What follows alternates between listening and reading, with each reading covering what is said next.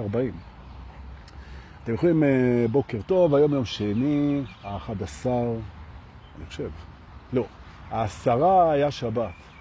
לא, העשרה היה אתמול. נכון, 11, דונקי, אתה מוכן להפסיק עם התאריכון? יש תאריך, כולם יודעים אותו. זה 11, לספטמבר לא, לאוקטובר כן, לנובמבר לא, 2021. בואו נתחיל.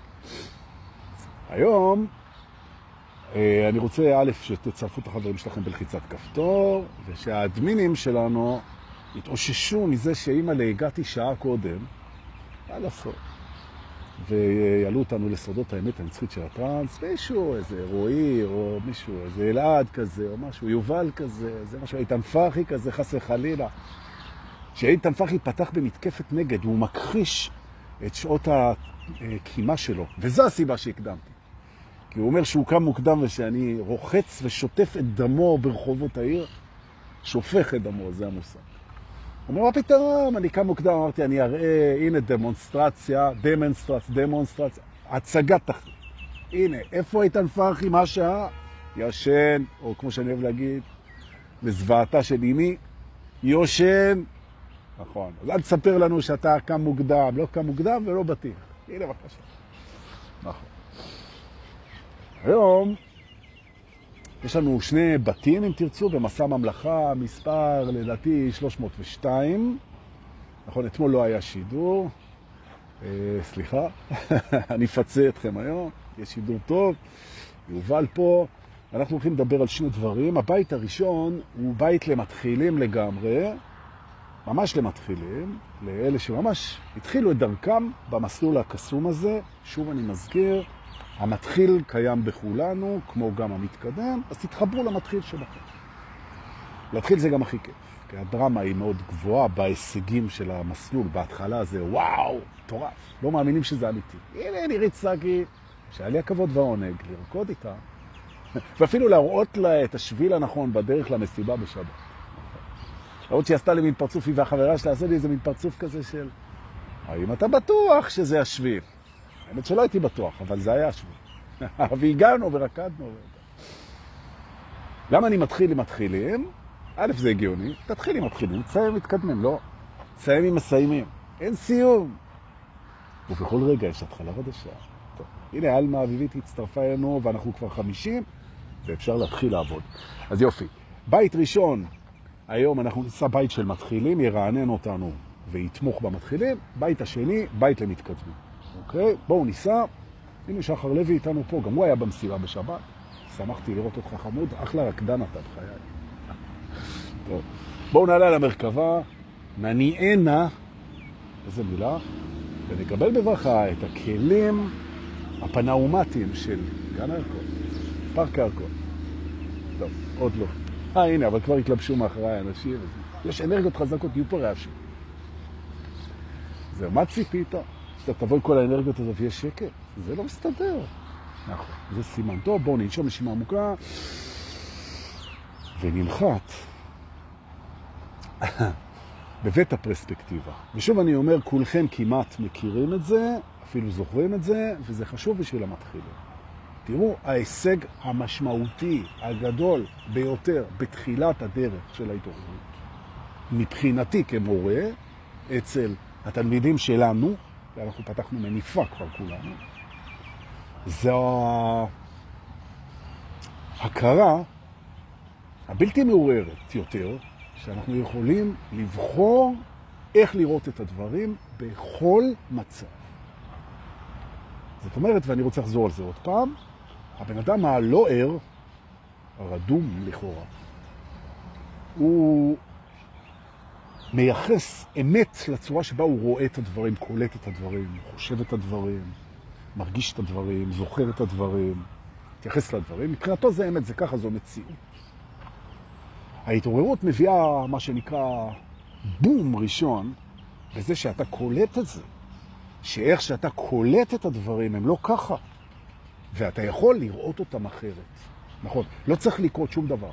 בשביל שאתה תבחר לראות אותם אחרת, ותבחר לשמוע אותם אחרת, לקלוט אותם אחרת, לנהל אותם אחרת ולחוות אותם אחרת בעקבות זה. זאת אומרת בעצם, החוויה אינה אמת, כי אמת לא משתנה, והחוויה כן, ואנחנו יכולים לשנות.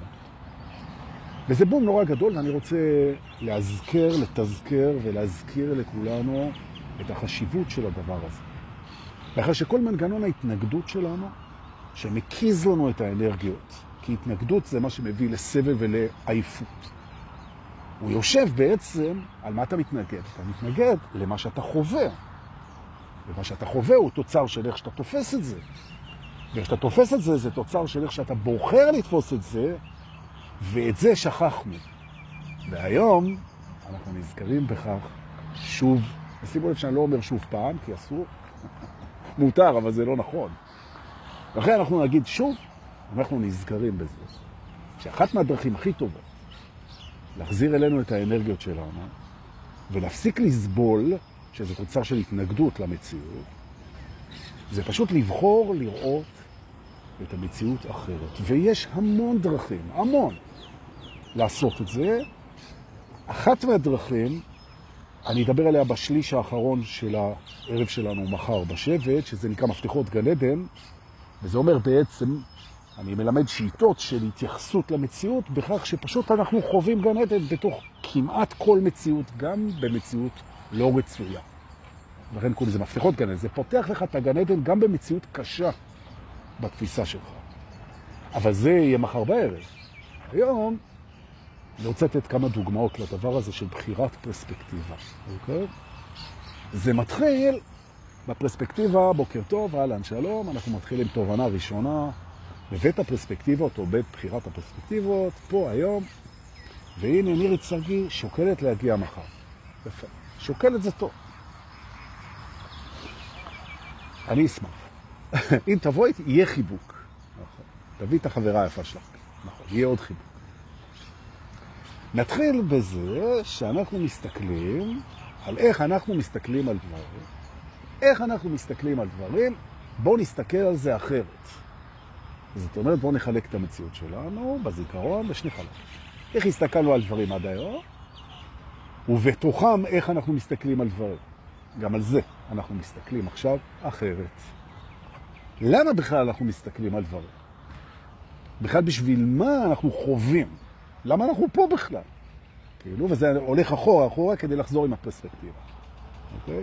אם אתה לא יודע למה אתה חי, אז אתה, ואתה לא יודע, כי אנחנו לא יודעים, עם כל הכבוד לעץ הדעת, ויש כבוד, למה אנחנו חיים, זו לא ידיעה, זו לא ידיעה, זוהי הנחה, או אמונה, או החלטה, או בחירה, אבל זו לא ידיעה. כי אנחנו לא יודעים, וטוב שאנחנו יודעים, כי זה מאפשר חופש. אז אנחנו מקבלים איזושהי החלטה. אנחנו חיים, אומר האגו בגיל ארבע, בשביל שיהיה לנו כיף. הנה הוא מצא את הסיבה, ולכן הפרספקטיבה שלנו, המטרה שלה בעצם, זה שיהיה לנו כיף. לחיים שיהיה כיף, ושיהיה כיף ושיהיה כיף. ומה לעשות? בעולם דואלי, כדי שיהיה כיף, צריך גם להיות כאב, צריך להיות באסה, צריך להיות חוסר, צריך להיות הפסד. וזה לא כיף. עכשיו אתה לוקח את הפרספקטיבה ואתה אומר, רגע, אני לא ילד בן ארבע. אין רע בלי טוב, אין חום בלי קור, אין אור בלי חושך. ולכן בעצם אחד מאפשר את השני. אז הנה יש לכם תרגיל של פרספקטיבה, שהוא למתחילים, אבל לא, כולנו יכולים לעשות אותו, שכשאני פוגש משהו שהוא לא כיף, מבחינתי הוא מה שמאפשר לי את הכיף. שההפסד מאפשר את הרווח, שהכאב מאפשר את העונג, שהבדידות מאפשרת את הביחד, שה... וכן הלאה, שהחולי מאפשר את הבריאות, בחוויה, בחוויה, בחוויה. זאת אומרת, הפרספקטיבה שלי מול הלא רצוי, הופכת להיות פרספקטיבה שמסתכלת עליו כאילו, וזה גם ככה, בתפיסה שלי, מאפשר. ואז בעצם זה לא בעשה. עכשיו אתה בא ואתה אומר, רגע אחד, שנייה. אבל מה אני אעשה שכל החיים שלי זה בעשה? יש כאלה. הכל חרא. הכל חרא. Okay. אוקיי. אז אני לא יכול להגיד שזה מאפשר את הכיף, כי איפה הכיף? אז הפרספקטיבה הזאת לא תעבוד לי, אין בעיה. אין בעיה. אז אתה תבחר פרספקטיבה שכן עובדת לך. איך אתה יודע שהפרספקטיבה עובדת? זו השאלה. איך אתה יודע שהפרספקטיבה שלך עובדת? זו שאלה נהדרת. מה הופך אותה לפרספקטיבה שאתה יכול לבוא ולהגיד, וואלה, הפרספקטיבות שלי אש. היא משמחת אותך. זהו. עכשיו אתם נתקלים באחד מהצדדים היותר קשים שלי, הקשוחים שלי כמורה, אוקיי? אם אתה לא שמח, אתה לא ער. זהו, תודה שלום. נגמר הסיפור. נגמר הסיפור. דורקה, אני אומר לעצמי, האם אתה שמח, וזה תכף יוביל אותנו לנושא הבא, האם אתה שמח? כי אם לא, אז אתה לא ער. מי שער, שמח. נקודה, ואין בלתו. זהו, ככה, קבע. אבל דורקה, אתה נורא דוגמטי, קשוח, וחסר רגישות.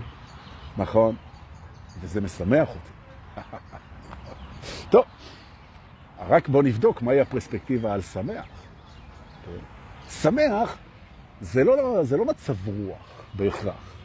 יש מצב רוח שמח, אבל זה לא זה. שמח זו ידיעה ברגע, לכם הגדרה שהיא פרספקטיבה. אנחנו משחקים פה עם הפרספקטיבה. אז אנחנו מסתכלים על פרספקטיבה שאני אומר שמי שער הוא בהכרח שמח, זו פרספקטיבה. אבל מה זה שמח? בואו נראה את הפרספקטיבה. שמח זה מי שברגע הזה, שאני מזכיר לכם, שאת הרגע הזה אי אפשר לשנות.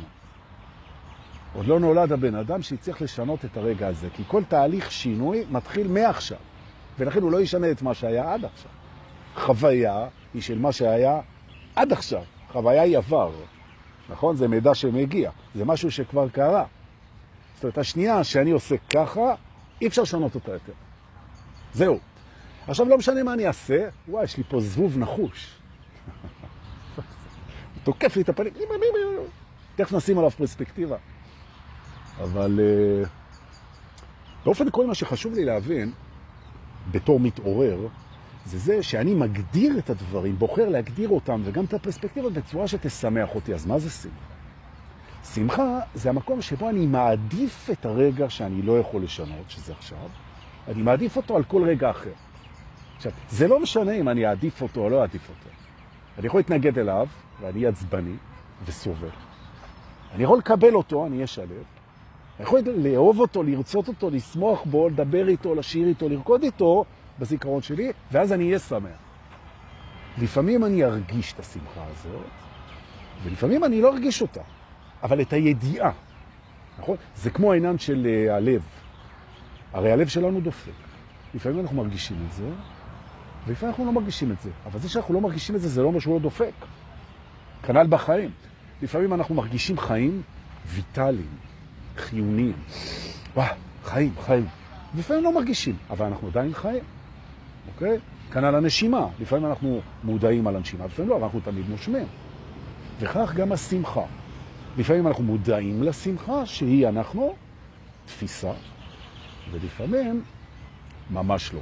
כאילו, ועדיין אנחנו זוכרים שאנחנו שמחים. מדוע אנחנו שמחים? זו בחירה, זו החלטה, זה מצב תודעתי, זה הופך למהות במודעות, כשאני פותח את הפייל של מהי המהות במודעות, תכף. אבל הרעיון בא ואומר ככה, האם אני שמח תמיד? האם אני שמח תמיד, או אם תרצו, מתחילים, האם צריך לקרות משהו כדי שאני אהיה שמח? והתשובה על זה היא תשובה סובייקטיבית, היא תשובה של החלטה, היא תשובה של תפיסה, היא תשובה של בחירה. היא לא תשובה של אמת, כי אפשר לראות את זה ככה ואחר. ולכן אני מציע למתחילים לבוא ולהגיד את הדבר הבא. אין לי שום סיבה שבעולם להניח שהרגע הזה, שאי אפשר לשנות אותו, הוא לא מועדף עליי. אחד, אם הוא יהיה מועדף עליי, אני אשמח ואני רוצה לשמוח. שתיים, זה לא משנה אם הוא מועדף עליי או לא, את השינויים אני בכלל מוציא מרצון. ולא ממה שמועדף עליי או לא מועדף עליי. זאת אומרת, הוא מועדף עליי כי הוא כבר קרה. זה שאני יושב עכשיו פה בשידור, זה הרגע המועדף עליי. אז אם אנחנו עכשיו עושים ככה ביחד, תעשו יחד איתי נשימה, ותעשו ככה. אז יש לכם רגע שבו נשמתם ועשיתם באצבע צרידה נקישות כאלה. הרגע הזה, שום דבר בעולם לא ישנה אותו. עכשיו, אם הרגע הזה הוא המועדף עליכם על כל רגע אחר, הוא כבר קרה, אתם לא יכולים לשנות אותו, אז אתם שמחים. אתם שמחים ברגע הזה. פה מגיע האגו ואומר לכם, חבר'ה, מה זה השטויות האלה? הרי בואו תסתכלו קדימה, צפו בבקשה אל העתיד, ומהר מאוד השמחה שלכם היא תתפוגג. מדוע? כי אלוהים ישמור, אימא לב ואבא לב, על כל החרא שמחכה לנו במנהרה הזאת, שנקראת עתיד, ובסופה הטרגדיה הגדולה מכולן, המוות. אז איך להיות שמח? עכשיו, כשהאגו מגיע עם הדבר הזה, נעבך מסכן כזה, חמוד כזה, זה סימן מצוין. אם האגו בא עם זה, הוא אומר, חבר'ה, מה פתאום להיות שמחים? תסתכלו על העתיד, העתיד לא משמח. אם, אם האגו הגיע לזה, אתם במקום מעולה. מעולה. מדוע? כי שמחה היא בהווה, לא קשורה לעתיד. ושתיים, אם העתיד הוא מאיים, זו סיבה לשמוח עכשיו שהוא עוד לא הגיע. נכון? אם הולך להיות סיוט לא נורמלי, אז בוא נשמח עכשיו שהסיוט עוד לא כאן, נכון?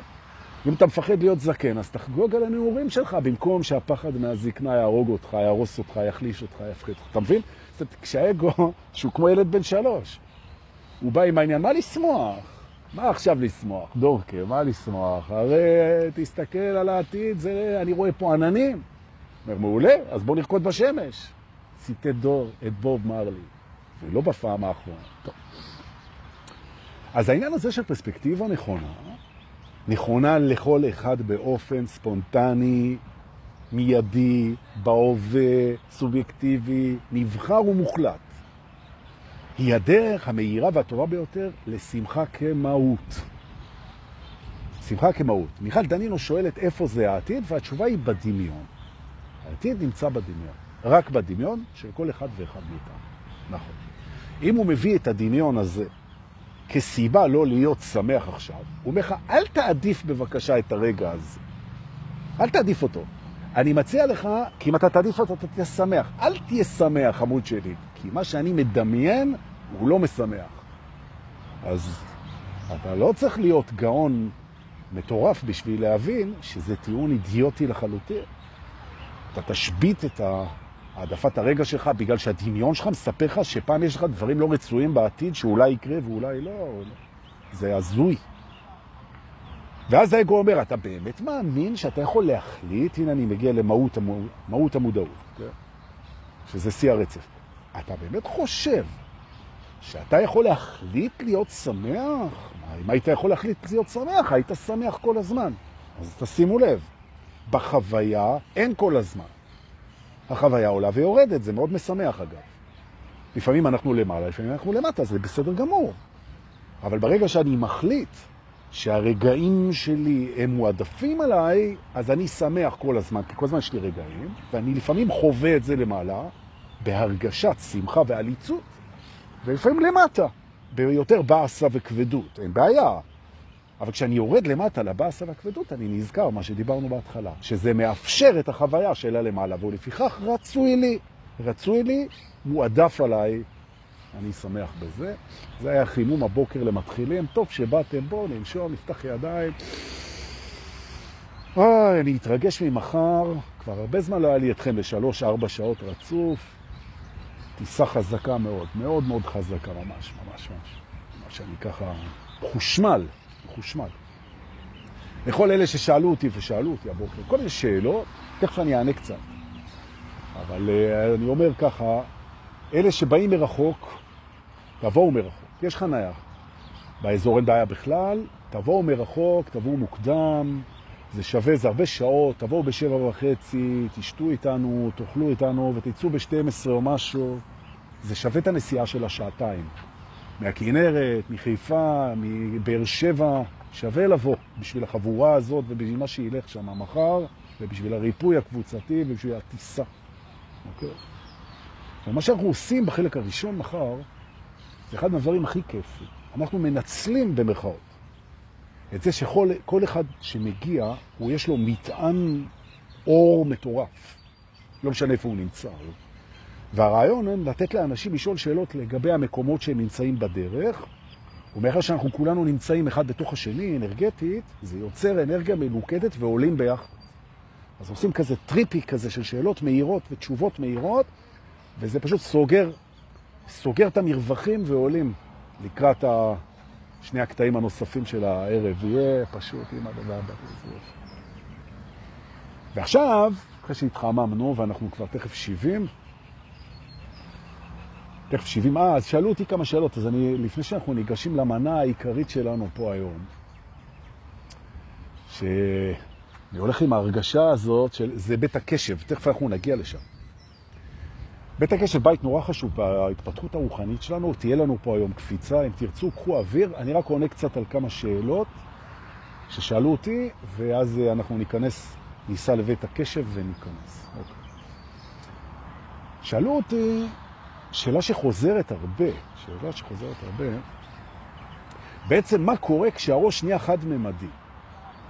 וגם בטח מישהו ישאל את זה גם מחר בערב, כן, שהראש, הוא מצליח לחשוב רק דבר אחד, הוא נגיד, הוא ננעל על משהו, למשל, משהו לא טוב לרוב, כי אז uh, יש, uh, יש טענה מול זה, כי אם זה ננעל על משהו טוב, אז הוא נהיה חד-ממדי, הוא תקוע כולו בעזיבה, באיזה פחד, במקום לא רצוי, באיזה פוביה, באיזה היסטריה, באיזה טראומה, באיזה פחד, אמרתי, זה הכל באנרגיה פחד, באיזה זיכרון, באיזה אה, משהו שבעצם נועל אותו, ורק על זה אתה יכול לחשוב, אתה נעול בתוך הדבר הזה, כאילו, כל הזמן שואלים אותי. אז תדעו לכם שיש הרבה שיטות לצאת מנעילות מחשבתיות ורגשיות, הרבה מאוד שיטות, אבל השיטה הקלה מכולן, הברורה והזכורה מכולן, יושבת על זה שאנחנו מסכימים להיות נעולים, מסכימים להיות חסומים, מסכימים להיות במצוקה הזאת, שאנחנו מסכימים לזה. אני, זה בדיוק כמו מערבולת, שאתה לא מצליח לצאת ממנה, אז אתה פשוט מבין שהדרך הכי טובה, אם אתה לא רוצה לטבוע, זה לקחת אוויר ולתת לה למשוך אותך. כי אתה לא תצליח להיאבק איתה. בקיצור, התשובה הקלאסית. אם משהו משתלט לכם על ההכרה, על המודעות, על ההרגשה, על הזיכרון, וצובע את זה לגמרי ואין תנועה, אתם לא יכולים להזיז, לא פרספקטיבה ולא כלום, והאמת לא עובדת, והרצפים לא... זה, ושום, ואתם נתקעים בתוך הדבר הזה, מה שנקרא לופ. אז מה שעוזר מאוד זה פשוט להסכים להיות בו, ממש, ממש להסכים לבוא לחנות, מלשון מחנה, לחנות בתוך הלופ הזה ולהגיד לו, אדוני, ללופ המחשבתי, אני גמרתי להתנגד, זה לא עזר, יאללה, bring it on, אני איתך. להתמסר לזה לגמרי, וזה ימנע ממנו לאורך זמן את המחזוריות, כי אנרגיה מגיעה לתוך הדברים האלה מההתנגדות שלנו. ומה שלא רצוי מתודלק אצלנו באנרגיה של התנגדות. ולכן, כשאתה לא מצליח לשנות את הלא רצוי, קבלה מלאה שלו היא תוריד את האינטנסיביות ותאפשר לך תנועה. נכון. לעומת זאת, אתה יכול לקחת מפתח גן עדן, כמו שיהיה בשליש האחרון מחר, ולהבין שזה לא נכון שזה לא רצוי לך. אז מה אם זה נועל אותך? הנה אתה בבית סוהר. הנה אתה נעול, הנה אתה כבוי, הנה אתה מרוסק, הנה אתה לא- תקוע, הנה אתה לא עצמאי, הנה אתה באיום, הנה אתה בחוסר אונים, הנה אתה אה, בייאוש, הנה אתה, והנה אתה, וואלה, הזבוב הזה פה, הוא, תחכו, אנחנו תכף נעשה לו, נעשה לו תרגיל. נחוש. בעצם אתה יכול לפתוח שם מפתח גן עדן, אני אתן דוגמה עכשיו, סתם כי בא לי, אז אני לא מצנזר, יש לנו מספיק מפתחות למחר, כן? ולבוא ולשנות את ההנחה שלך. וההנחה אומרת שבעצם, בעצם הסיבה שאתה לא יוצא מזה, זה כי אתה עוד לא הבאת סיבה טובה למה זה קורה לך. או במילים אחרות, הקורבנות שלך, זה קורה לי ואני לא רוצה את זה, זה קורה לי ואני לא רוצה אותך, היא כל כך uh, מייצבת לך זהות קורבנית, בקטע של אכלתי אותה, כן? היקום רע, המצב גרוע, אני תקוע, אני זה, אתה, האגו כל כך נהנה מזה שהוא סוף סוף יודע שהוא הדפוק ברגע. איזה כאלה.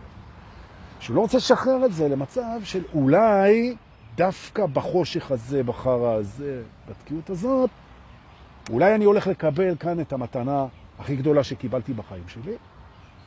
זאת אומרת, אולי פה בתוך האפלה מתחבא משהו שאי אפשר לראות אותו באור, וכמה פעמים גילינו, סליחה על הדוגמה מעולמי החשוך, כן? שלפעמים סקס בחושך הוא מגלה לנו דברים שלא ראינו באור. דברים טובים, נכון? וזו לא המלצה להזדהן בחושך, כן? אבל מדי פעם, כן? פתאום. כן. נכון. בסדנאות אנחנו שואלים, זה נקרא, הסדנה הזאת נקראת סדנת כיבוי החושים. כן? אולי נעשה אותה מתישהו. אז סדנת כיבוי החושים בעצם אומרת איזה חושים אנחנו, מה הסדר כיבוי החושים. עכשיו, ברגע שאתה מחבר חוש, אז חוש אחר גדל, אז כאילו משחקים עם זה. אני אעשה איזה יום, איזה סדנה כזאת, נזמין אתכם. אז בעצם מה שאני מנסה להגיד, לאלה ששאלו מה לעשות בחשיכה גדולה, אז או להסכים להיות בזה, או להבין שיש בזה מתנה מטורפת שרואים אותה רק בחושך. גם פה אתה תצטרך להסכים ולחפש את המתנה שלך. ובכלל, כשאתה מניח שבכל מקום לא רצוי מתחבאת מתנה, שאפשר לקבל אותה רק במקום הלא רצוי, אז הלא רצוי הופך לרצוי עקב המתנה. זאת אומרת, האירוע נמדד לא בכמה הוא לא רצוי, אלא בכמה המתנה שנמצאת שם מצדיקה את המצב הלא רצוי. למשל, אם שברת את הרגל, לחילופין, ואתה בגבס עכשיו שלושה חודשים, לא יכול לרקוד. מלא. לא לרקוד, אה, אוקיי. אז אתה, במצב הזה אתה תגלה משהו שלא היית מגלה כשיכולת, כשיכולת לרקוד.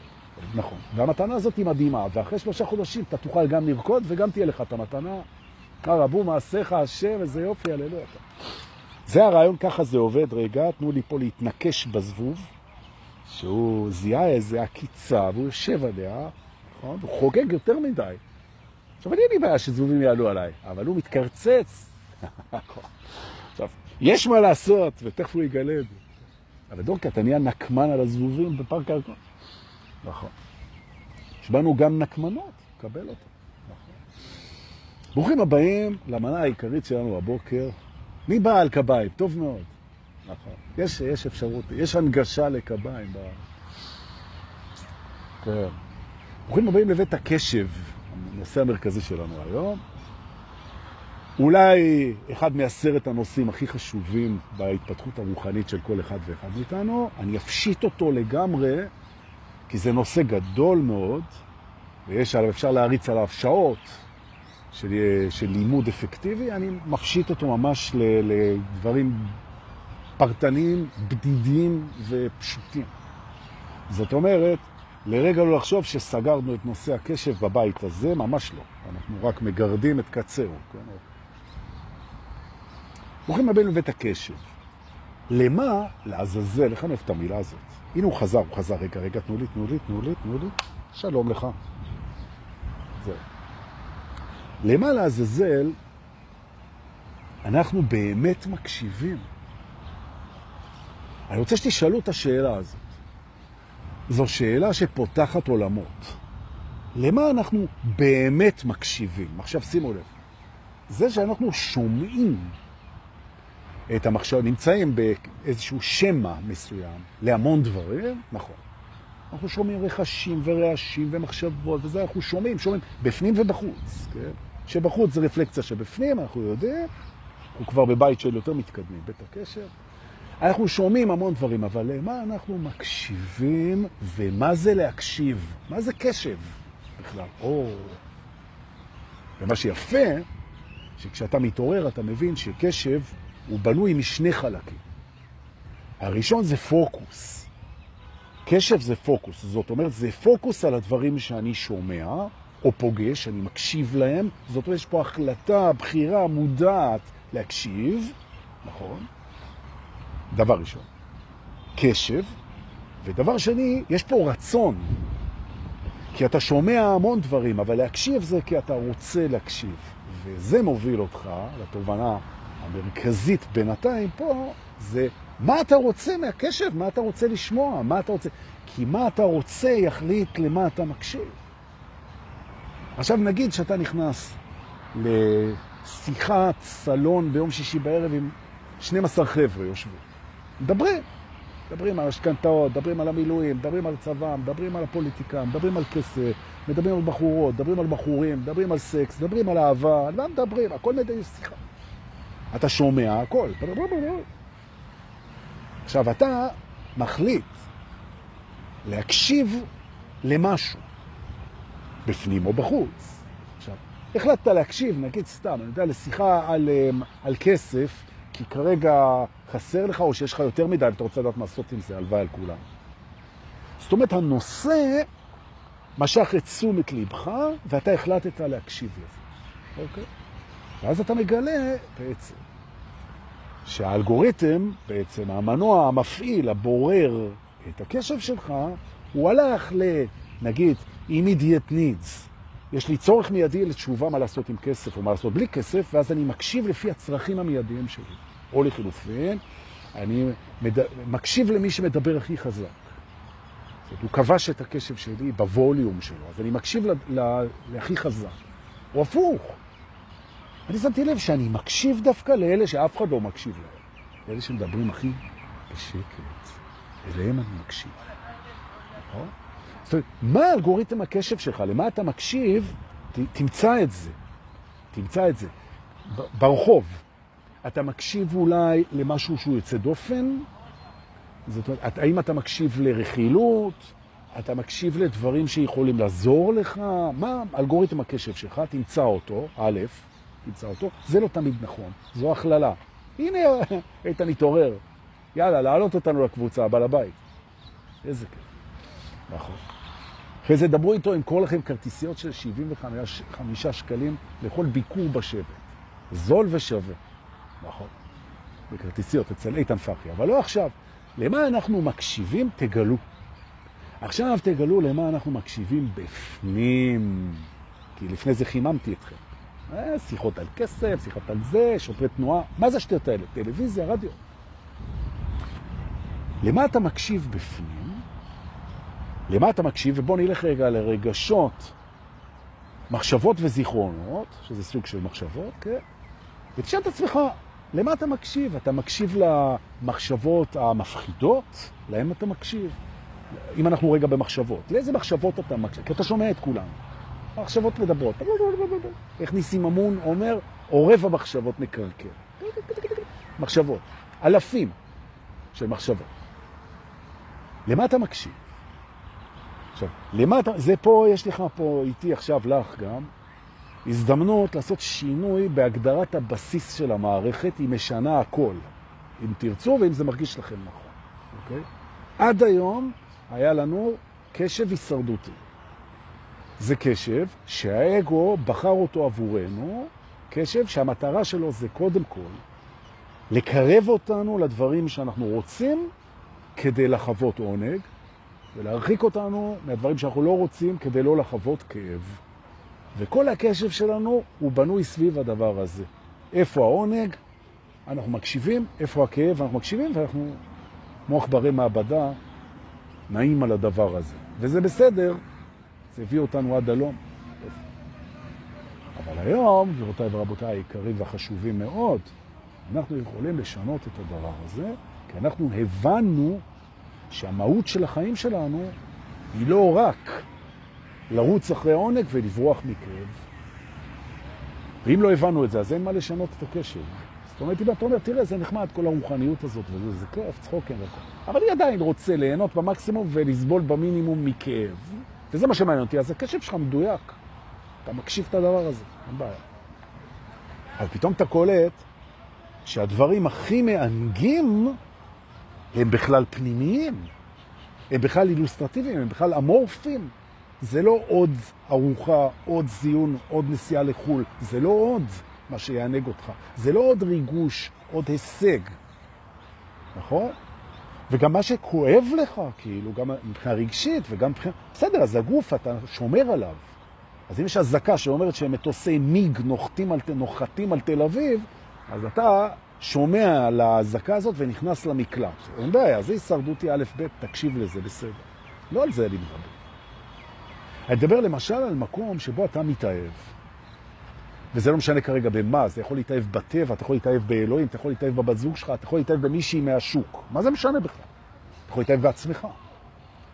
ובמקביל להתאהבות יש קול שאומר, איזה פחד, אני הולך לכאוב פה עם הדבר הזה, יתרחק ממני, ייפרד ממני, ייפסק, ייעלם.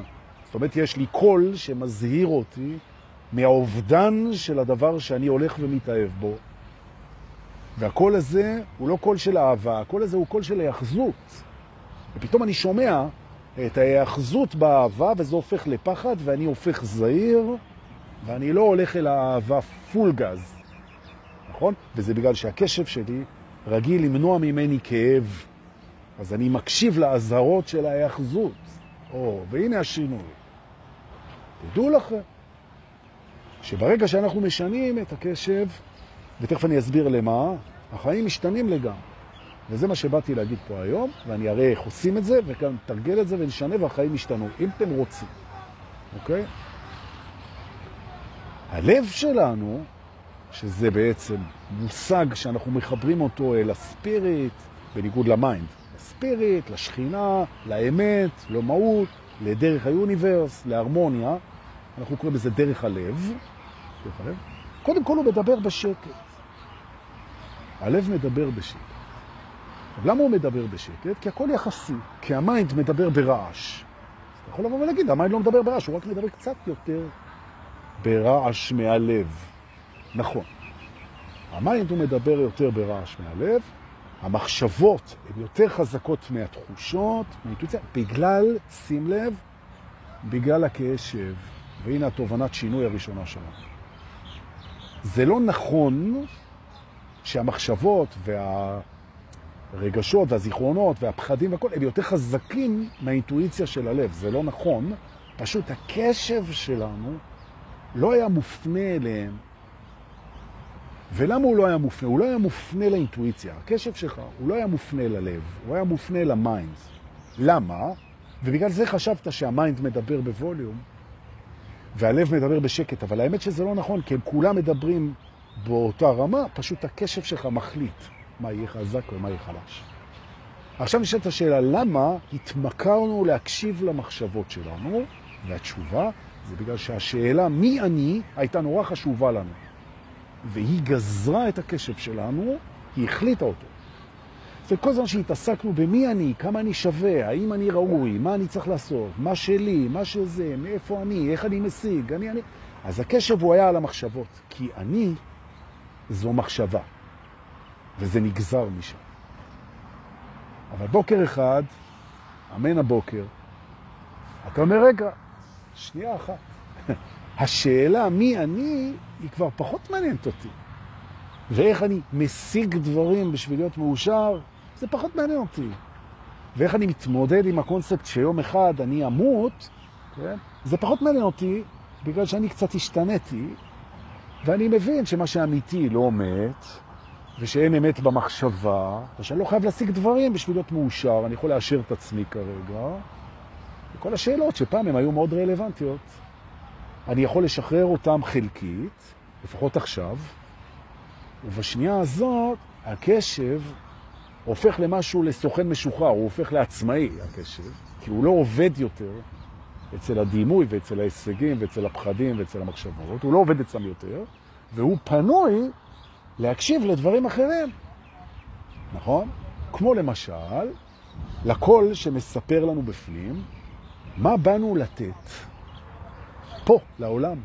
הוא מספר את זה כל הזמן.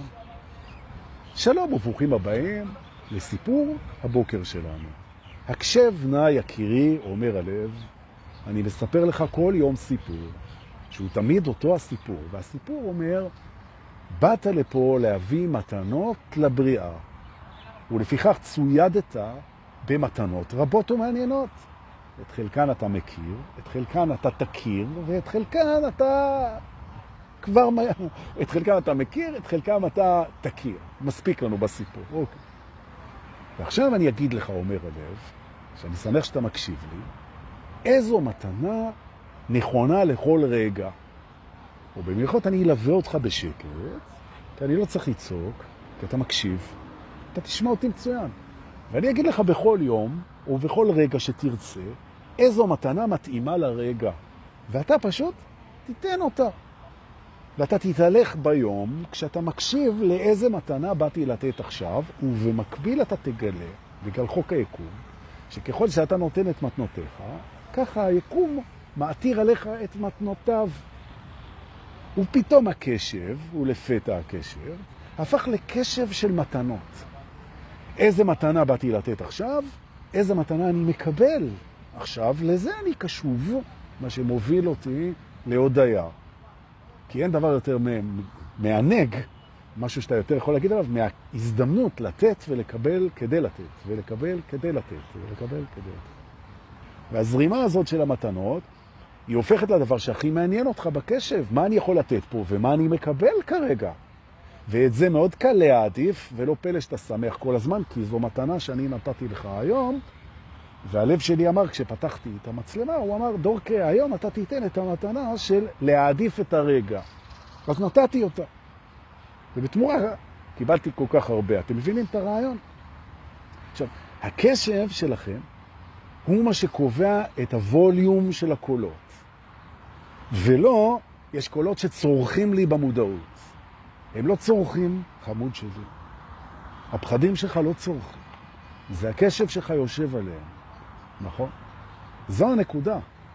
או במילים אחרות, כל הווליום בתוך המערכת שלך הוא קשור לבחירת הקשב. אז למה אנחנו רוצים להקשיב? אז אנחנו קודם כל מחליטים מה אנחנו עושים פה. אז באנו לתת ובאנו לקבל ובאנו לנשום טוב, אז אנחנו גם מקשיבים לנשימה שלנו.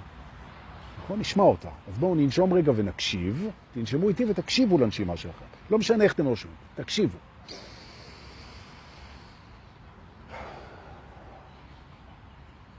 קשב על הנשימה, כל הזמן.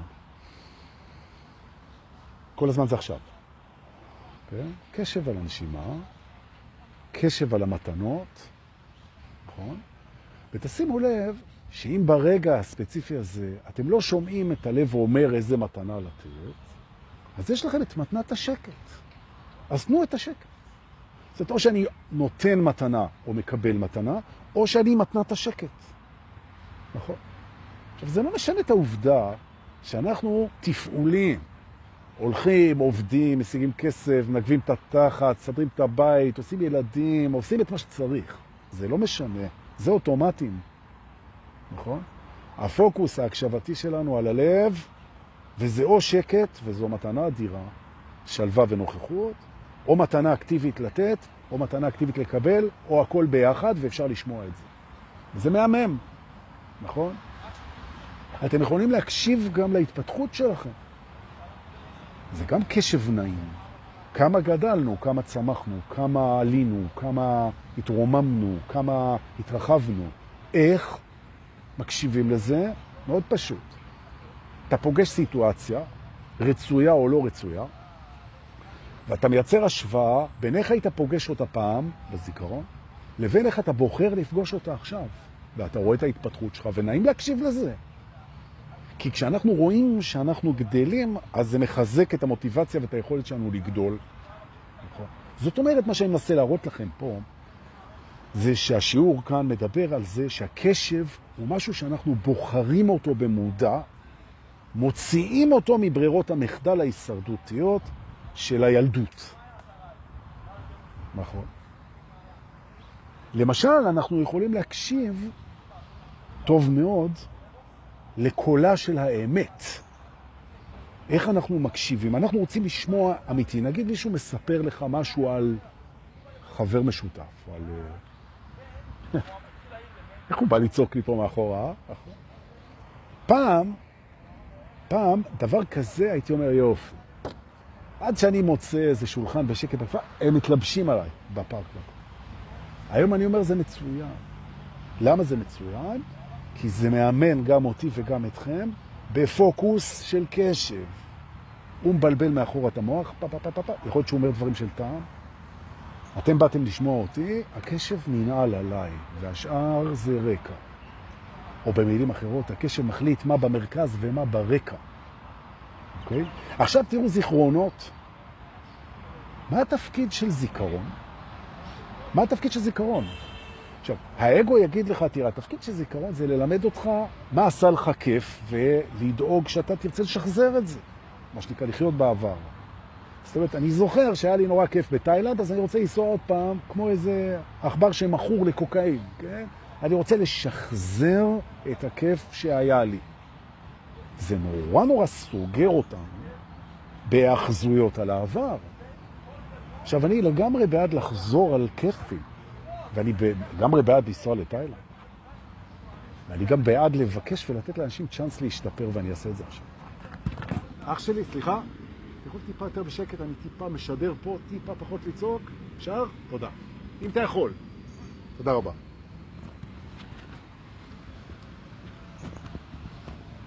בסבלנות, בנועם, בכיף. ולא כתגובה מיידית. נכון. הנה, אני מראה לכם את זה, הגדילה. פעם הוא היה מתחיל להפריע לי, הייתי אומר לכם, חברים, תעצרו רגע, אני מטפל בבעיה. היום אני נותן לזה להיות קצת, נכון? משתמש בזה קצת, נושם את זה קצת, נמצא בזה קצת, ונזכר שזה שאני במצב לא רצוי, זה לא אומר שאני מיד צריך לתקן אותו. לא. נותן לו להיות קצת. מהמקום, אני מקבל אותו קודם, ורק אחר כך אני מנסה לשנות אותו, מצליח, מצליח, לא מצליח, לא מצליח. והנה זה די הצליח בינתיים. תודה. ותודה לו. בעצם אתה מתחיל להבין שאתה שולט על הקשב. אתה שולט עליו, והוא יחליט בעצם איזה קולות יהיו חזקים ואיזה קולות יהיו חלשים. למשל, הנה, מישהו מספר לך משהו, או שהבוס שלך או הקולגה שלך נוזף בך, או האישה. אתה לא בסדר, לא עשית ככה, לא זה, עשית איזה טעות, אתה אוקיי. האם הקשב שומע בווליום גדול את ה... אני לא אוהב אותך, אתה לא בסדר, אתה קטן, טיפש, רכרוכי, לא שווה, צריך להחליף אותך. האם אתה שומע את הקטנות, את התסכולים, את הפחדים, האם אתה שומע את זה בזה שהוא אומר לך, עשית לא בסדר?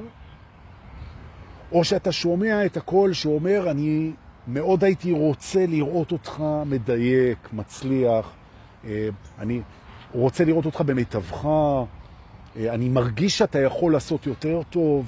האם אתה שומע את הפוזיטיב גבוה, את החיוביות, או האם אתה שומע את השליליות גבוה? כי הם נמצאים תמיד, בו זמן. כשאתה נמצא בריב עם מישהו מהמשפחה שלך, מהחברים שלך, מהכל, יש שם המון אהבה. כן? את מה אתה שומע? את מה אתה שומע? וזה קשור מאוד להישרדות ולזהות. ואם אתה ירדת רגע מהעבדות להישרדות ולזהות, אז יכול להיות שאתה יכול לשמוע דווקא כשצועקים עליך, ודווקא כשמקללים אותך, ודווקא כשמרחיקים אותך, ודווקא כשמתעלמים ממך, אתה יכול לשמוע שם הכוונה ואהבה והכלה והזדמנות וקריאה ושיעור. ואז, בנקודה הזאת, ואליה רציתי להגיע, אתה מגלה את הדבר שבגללו, בזכותו ובעטיו, באתי לפה היום לדבר. כשהקשב שלך מסתנכרן עם מי שאתה יודע שאתה, ולא הזהות של האגו החולפת עם המחשבות ומה שאנשים חושבים עליך, אלא מה שלא משתנה בך, אלא מי שאתה באמת, מה שנמצא מעל הזמן ונוכח פה כדי להיפגש, כשאתה מגיע למקום הזה, מה שאתה שומע מאפשר לך, הוא מאפשר לך לזהות את הכוונה הטובה בכל דבר. וזה בוודאי ובוודאי מועדף, בוודאי ובוודאי משמח, ובוודאי ובוודאי זוהי בחירה לגמרי. זו ממש בחירה. נכון.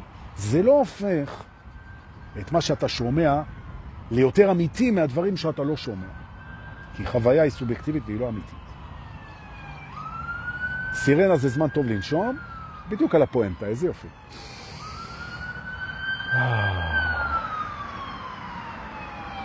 תשבו, תשבו, למה אתם מחכים? כי אתה מאיץ בנו, טוב מאוד. נשום, נשום.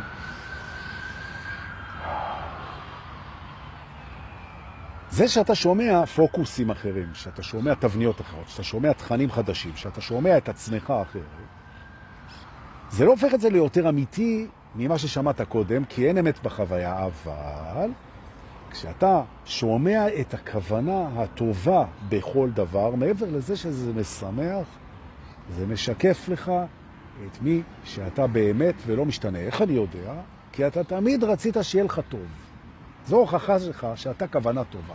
תמיד רצית שיהיה לך טוב. אני מדבר על עולם פנימי. תמיד היית, רצית שיהיה לך טוב.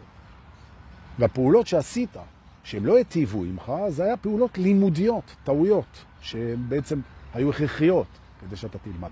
זאת אומרת שקשב חדש שומע את הכוונה הטובה בכל דבר כשהוא צלול, ובכך משקף לנו את מי שאנחנו בלי להשתנות. ואז אנחנו שומעים את עצמנו, הכוונה הטובה, הבוראת, המטיבה, המתחילה, העוטפת, וזה מקסים. זה מקסים. ולכן אני מסכר נסכם? זו לא גזירת גורל שהמחשבות המבאסות או המלחיצות או המפחידות צורכות בראש. בכלל לא. זו נקודת התחלה לשינוי מקסים, להבין זה צורח ואפשר לשנות את זה, זה צורח, אפשר להסכים לזה, להקשיב, לאהוב את זה, להכיל את זה, להסכים לזה, להציע לזה חלופה, לשנות את, הקצ... את הקשב, לשנות את הקצב, לשנות את התפיסה העצמית, למה אנחנו פה, ולקום לבוקר שבו מה שאנחנו מקשיבים לו הוא בעצם מי שאנחנו באמת, וכולנו ככה, אותו דבר. ואז בעצם אנחנו נכנסים למימד אחר לגמרי מהמימד שהיינו בו קודם, רק בזכות. בחירה חדשה בקשב חדש. הללויה. כל שאלה שעלתה לכם בתוך הדבר הזה, אני אשמח לענות עליה קצר וטוב, באמת קצר וטוב, וגבישי, שאפשר לפתוח את זה. מחר בערב במועדון השבט, זה יום שלישי, ואנחנו נעשה את זה, ויהיו שאלות על הקשב, ויהיו שאלות על הראייה ועל הפרספקטיבה ועל הזיכרון ועל התפקיד, ועל... מהר, טה-טה-טה-טה-טה, נתרומם עם הדבר הזה. וגם זה הזמן להגיד שאתם יכולים לדבר עם רועי רוזן לגבי הסדנה המשותפת שלי איתו בגבעת נילי ב-30 לאוקטובר, רק 20 ומשהו אנשים, 6 שעות, משקולות, עוגנים וכדורים פורחים בתוך המודעות. זה מטורף, ועוד עם האוכל המדהים של שיזף, 6 שעות, קצת טרנס בהפסקות של הקפה, ואתם חוזרים חדשים לתוך נובמבר, כי זה ב-30 באוקטובר. ואותם קורבנות של המסיבה שבאה עלינו לטובת שלושה שבועות בנטור, אז uh, הקשיבו טוב, אנחנו עוד מעט מתדריכים אתכם לכל הדברים. Uh, נעשה רשימה, מיטל עובדת על זה, ואנחנו נדבר איתכם, והולך להיות אימא לה ואבא לה. כל הכרטיסים מכורים, רשימת המתנה פעילה אצל מיטל מורן, סיכויים נמוכים, אבל זה בחמישה לנובמבר, בחוות נטור ברמת הגולן. זהו. חברים, אני מקווה לראות אתכם... Uh, לראות אתכם בלייב הבא, או מחר בערב, מה שיבוא קודם. ואגיד לכם תודה שבאתם, תודה לאלה ששולחים כסף במתנה, תודה רבה, בביט, בפייבוקס, תודה. תודה למיטל, תודה לאוסנת, תודה ליובל, תודה לאיתן פרחי, תודה לכל העוסקים בדבר, לאלי קליין, לכל הצוות הזה שאני תמיד שוכח מרוב שהוא כבר גדל וגדל. ואנחנו נתראה בלייב הבא. תודה שבאתם. הקשב, הקשב. להתראות.